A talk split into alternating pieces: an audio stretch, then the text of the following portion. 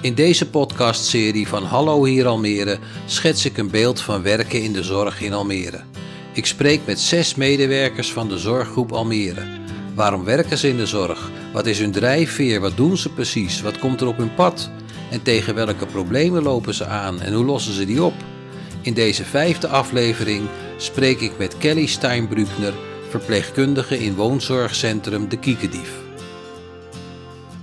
Ik zit met Kelly Steinbrückner, uh, verpleegkundige van De Kiekedief, het woonzorgcentrum in uh, Almere Stad aan het Kolkplein, van de zorggroep uh, Almere. Kelly, laten we het eerst hebben over de Kiekedief zelf, over het woonzorgcentrum.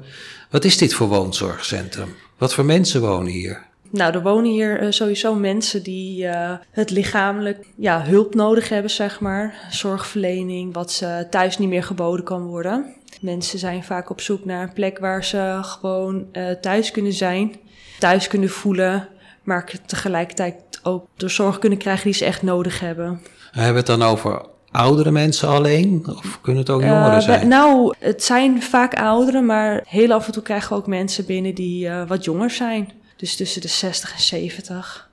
En wat voor soort verzorging moet ik daar aan denken? Nou, we hebben mensen in huis die bijvoorbeeld Parkinson hebben of in het verleden een CVA hebben gehad. Dat is een klassieke beroerte, zeg maar, waarbij uh, restverschijnselen zijn. Dus verlamming of uh, waardoor men in een rolstoel terechtkomt. Dus het zijn vaak wel mensen die nog uh, van alles weten. En kunnen nog, maar niet alles. Nee, dus, en- vooral op lichamelijk gebied, zeg maar. Oh, Daar verzorg je ze op. Ja. Daar verzorg je ze op. En hoe wonen ze hier? In wooneenheden of kamertjes? Nou, of... iedereen heeft hier een, eh, een eigen kamer. Een keukentje, nou ja, een keukentje. Je hebt een aanrecht waar je dus koffie, thee kan zetten. Het eten wordt dan natuurlijk gebracht. Iedereen heeft wel zijn eigen douche. De slaapkamer is tegelijkertijd ook de woonkamer. Dus soms heb je in één plek dus de, het bed staan, maar ook ja, een bankje met een tv. En hoeveel mensen wonen hier? Ik dacht zo uit mijn hoofd, hou me te goede, 130 bewoners. Ja, 130 bewoners. 130 bewoners. En heb je hier ook aanleunwoningen? Dit zijn volgens mij allemaal aanleunwoningen. Je hebt een eh, lange gang en dan heb je iedere keer een ander eh, deurtje waar je dan aan kan bellen als het ware. Nou ja, wij kloppen gewoon.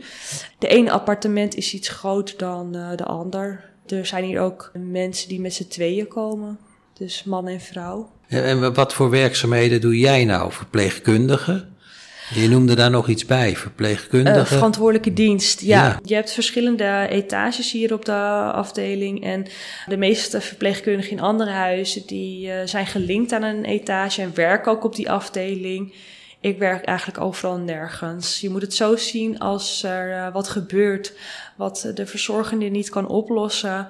dan neem ik het daarover. Geef eens voorbeelden. In wat voor situaties is Eh, dat? nou, er is een meneer gevallen of een mevrouw. De controles die zijn gedaan, eh, die zijn niet goed. Dan eh, vragen de verzorgenden aan mij of ik dan een arts wil bellen en of ik langs wil komen. Zodat de situatie dan weer stabiel is. Het is belangrijk eh, dat er iemand is die eh, de verantwoording op zich kan nemen. Dus ook zo omtrent de calamiteiten. Stel dat er nu een brand zou zijn of twee bewoners zijn met elkaar aan het vechten. Dat komt voor? Uh, nou, ik heb het nog niet echt meegemaakt. Uh, ja, ruzie kan ook. Nou ja, uh, voor een gewoon ruzietje kom je niet. Maar als het dan om agressie gaat, dan moet je natuurlijk ook veiligheid bieden voor het zorgcentrum zelf.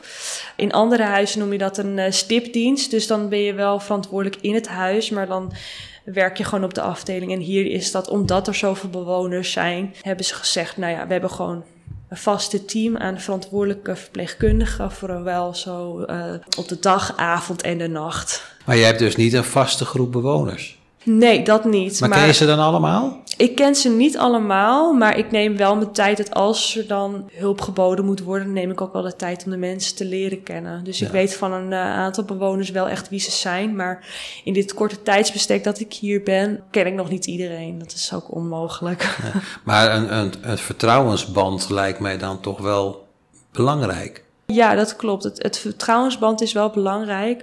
Maar omdat ik dus vaak wel mijn gezicht laat zien, zowel aan de collega's als bewoners. Ben je wel bekend ik, in het ben huis? ik op een gegeven moment wel echt bekend, ja. ja. Als we het nu over die bewoners hebben, want daar heb je het eigenlijk al uh, constant over, hè, die zijn belangrijk.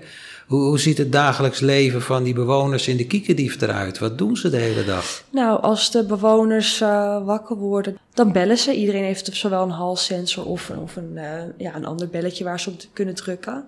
En dan uh, wordt de zorg op maat geleverd, zeg maar, in die zin dat de bewoner zelf eigen regie heeft. Dus men zegt ook van, goh, ik zou nu uit bed willen kan niet altijd, want natuurlijk is de zorg ook druk. Maar we houden wel zoveel mogelijk rekening met wat de bewoner zelf wilt. Ze worden geholpen Ze bij worden het opstaan. geholpen bij het opstaan, op bed wassen of uh, gedoucht te worden. De een uh, moet, daar moet dan de wonden bij verzorgd worden, bij de ander weer de katheter. Dat is maar net iedereen. Dus dat is een ja, drukke tijd soms. Het is een drukke uh, tijd, ja zeker. En daarna, wat gaan ze dan doen? Blijven ze op hun kamer of gaan ze spelletjes doen? Of, nou, het is. Zijn er activiteiten? Er zijn wel, wat, wel activiteiten. We hebben op elke etage dan een huisje. Bijvoorbeeld uh, op drie is het uh, bezige bij. Dat is zeg maar een plek waar de bewoners die er behoefte aan hebben, die komen samen om een spelletje doen of een kopje koffie te drinken.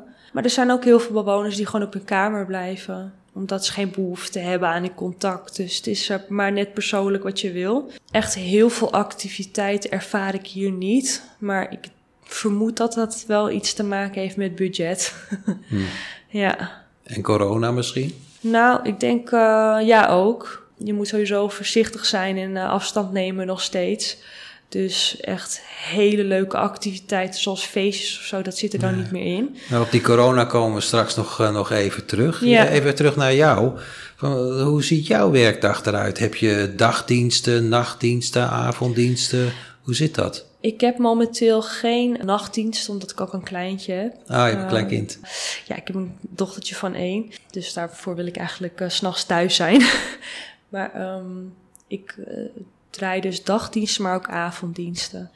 Uh, s ochtends kom ik om kwart voor zeven kom ik dan hier. Dan begint het ook echt de overdracht. En dan krijg ik van mijn collega's te horen wat er zowel in het huis heeft gespeeld. En bij wie we extra aandacht moeten geven. En krijg je dan een soort schema van wat je moet doen? Of kan je dat zelf invullen? Nou, in elke zorginstelling heb je een zorgdossier. En bij iedereen wordt de dagelijkse dingen worden ingevuld. Hè? Je katheterzak, uh, hoeveel geurineerd is, nou, dat soort dingen. Ook ontlasting wordt bijvoorbeeld bijgehouden, maar ook de medicijnen worden daarin verwerkt. En eigenlijk alles zo wel een beetje. Maar de, de, degene, degene die veel aandacht vergen zijn dan, ja, dat noem ik dan altijd zorgenkindjes, terwijl het zijn ouderen. Maar ja. uh, de mensen die extra aandacht wil schenken zijn de mensen die bijvoorbeeld niet meer willen drinken. Of het niet meer zien zitten. Of uh, ja, daar gaat natuurlijk van alles gebeuren in het lichaam en die hou je gewoon extra in de gaten. Of verwardheid, hè. Zijn ook, soms heb je ook te maken met verwardheid. Nou, dan wordt er gerapporteerd en dan heb je altijd een soort van sterretje staan. Als je dat inklikt, zeg maar, dan is het een bijzonderheid. En als verantwoordelijke dienst lees je al die sterretjes, zeg maar, de dingen die, die belangrijk zijn om te weten voor een verantwoordelijke dienst. En dan ga je bij de mensen langs. En dat gebeurt de hele dag door? Dat niet, maar um, je wordt ook gebeld voor uh, andere dingen. Wel tijd voor pauze? Ja, vaak wel. Maar het gebeurt wel eens dat je helemaal geen tijd hebt voor pauze. In coronatijd uh, moest je even gauw een, een, uh, een boterhammetje snel opeten en, en uh, dan kon je niet zitten of zo. Nee.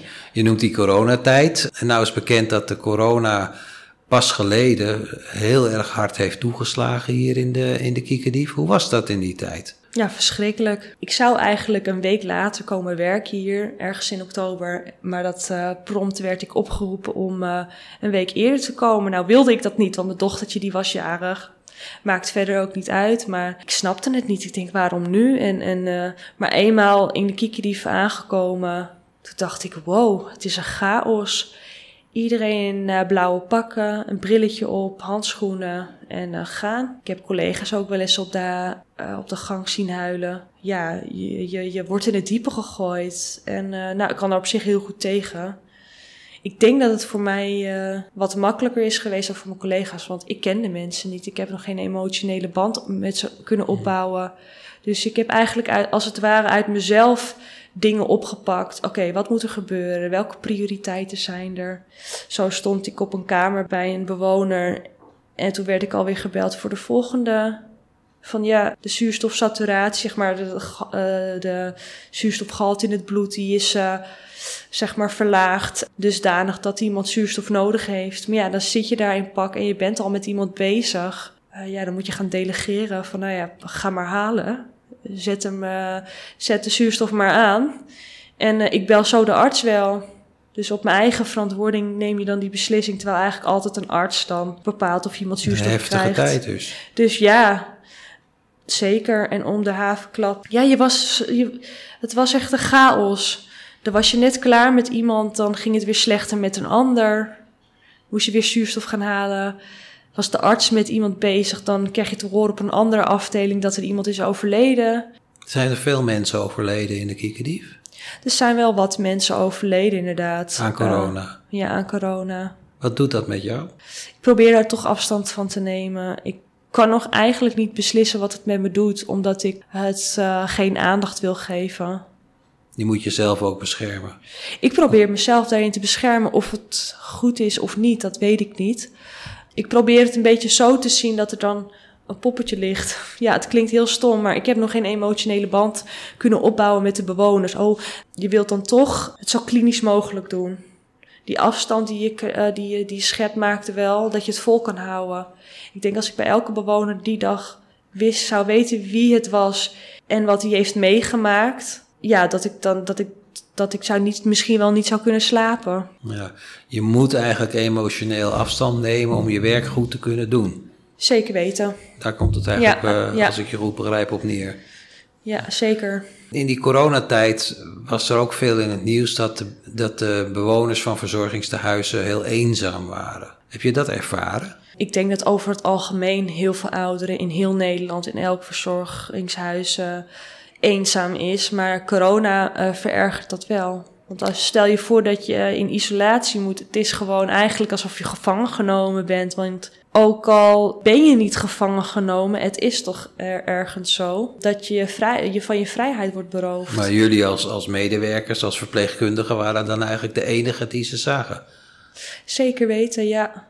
Het enige menselijke contact ja. was met jou en met je collega's. Ja, ik denk dat het het eenzamer maakt als iemand dan vluchtig binnenkomt en zegt: Ja, sorry mevrouw Jans of meneer de Boer, ik, uh, ik moet weer gaan. Want uh, ja, want je ziet ook wel dat mensen dan hunkeren ook. Je ziet aan hun ogen van: Oh, maar ik wou eigenlijk nog wat tegen je zeggen. En dat kan dan niet. Ja, dat, dat maakt het werken in, in dit woonzorgcentrum, überhaupt denk ik in een woonzorgcentrum, pittig. Ja, zeker. Het maakt het pittig, maar je probeert toch nog, ondanks dat, dat de weinige tijd die je met de mensen deelt, je toch nog een lichtpuntje kan zijn. Op een gegeven moment leer je de mensen ook kennen qua karakter en dan uh, weet je bij wie je welk grapje kan maken. En dat zorgt toch nog even voor een beetje boost. Maar kom jij thuis uitgeput of valt dat wel mee? Momenteel vind ik het meevallen, maar ik heb, want ik werk al langer in verpleeghuizen. Ik heb uh, regelmatig wel uh, gehad dat ik helemaal uitgeput thuis kwam met weinig pauzes en zo. Ik merk wel dat heel veel uh, mensen die in de zorg werken toch wel behoefte hebben aan uh, meer personeel. Ik mag het eigenlijk niet zeggen, maar. ja. Ik denk het wel, want het werk wat je doet kan je wel uitvoeren, maar het moet ook een beetje menselijk blijven en gezellig, want dat verdienen de ouderen eigenlijk ook. Even dat dat half uurtje praten, ja, dat, dat zit er niet in, maar... Het zou eigenlijk wel moeten. Het zou ze wel gegund zijn, laat maar als er weer meer bezoek kan komen, is dat misschien weer op te lossen, als die corona wat minder wordt? Ja, dan als, er komen nu sowieso wel, mogen mensen nu, uh, mogen de familieleden wel bezoek komen, alleen vaak werken de zoons en dochters gewoon nog ja, als je nagaat dat je tot je 65ste kan uh, blijven werken, hoe vaak komen de kinderen dan op bezoek? Nou, nou doe je, Kelly, heel gespecialiseerd werk. Uh, welke opleiding heb je daar eigenlijk voor nodig om dit te mogen doen? Ik heb de opleiding MBO-verpleegkundige gedaan. In Almere? Uh, nee.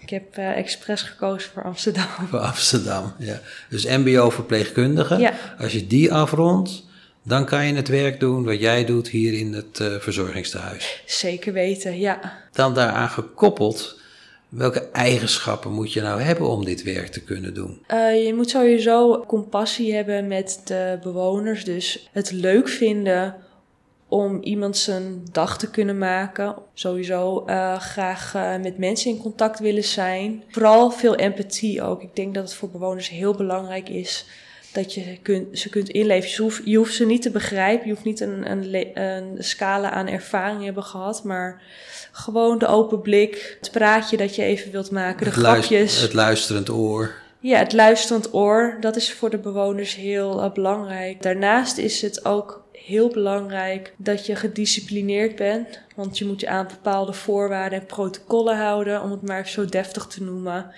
Het is wel precisiewerk. Je kan geen fouten maken met medicijnen. En natuurlijk maakt iedereen wel zijn foutje, maar het is wel een uh, opleiding die vraagt om uh, goede concentratie en, uh, en discipline. Wat, wat doet het nou uiteindelijk met je? waar haal je echt je voldoening uit als je naar huis gaat?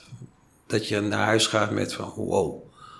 Wat voor, wat voor momenten zijn dat? Is, is verschillend. Als ik iemand heb kunnen laten huilen die normaal heel gesloten is en zijn verhaal met me wil delen, dan ga ik al met een yes-gevoel naar huis. Maar het kan ook gewoon een schaterlach zijn van iemand, omdat ik een uh, flauw grapje heb gemaakt. Voor mij zijn, zit het in de kleine dingen.